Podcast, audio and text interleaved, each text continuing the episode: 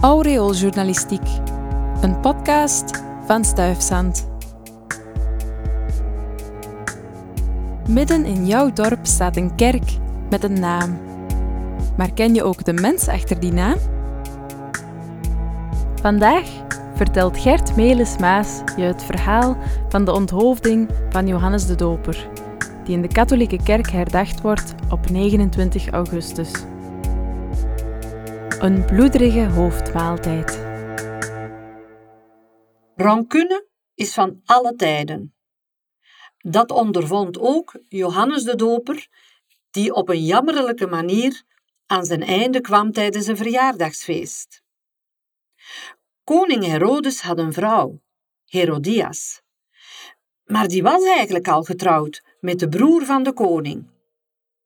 Johannes, een door het volk geliefde profeet die aan het begin van zijn carrière Jezus zelf gedoopt had, wees hem erop dat het niet echt oké was om met de vrouw van je broer te trouwen.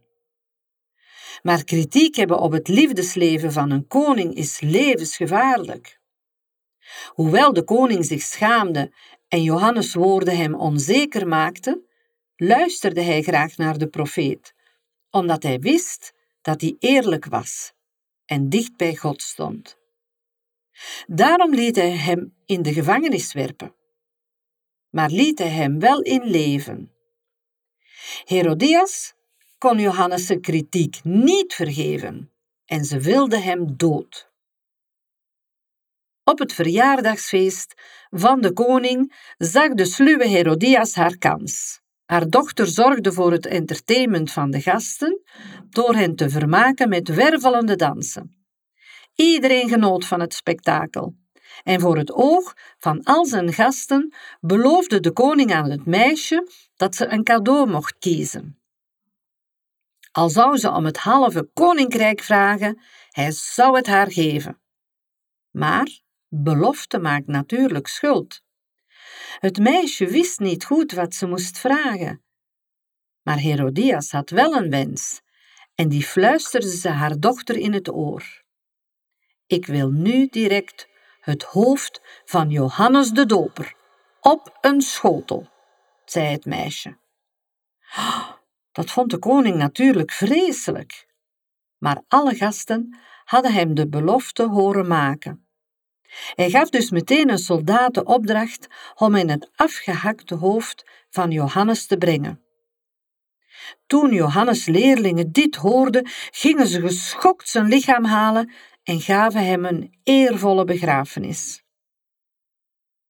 Op 29 augustus herdenken we de dood van Johannes de Doper, maar vooral het merkwaardige leven dat hij heeft geleid. De Sint-Jan de Doperkerk te Balen-Gerheide was aan deze heilige toegewijd. Ze werd in 1974 ingewijd en na 40 jaar, in 2014, aan de eredienst onttrokken.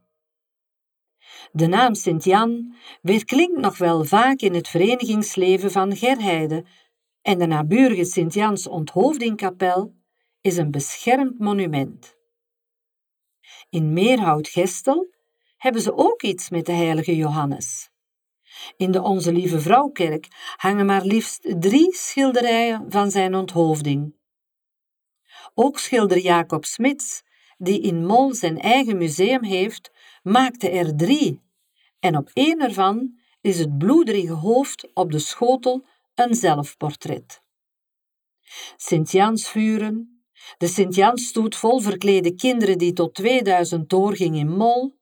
Sint-Jan blijft tot de verbeelding spreken.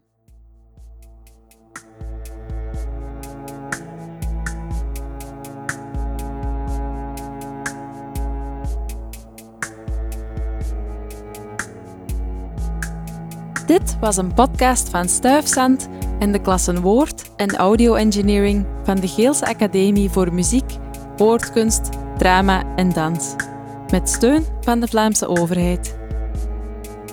Heb je nog vragen, suggesties of opmerkingen? Laat het ons weten op info.stuifzand.be. Dankjewel voor het luisteren.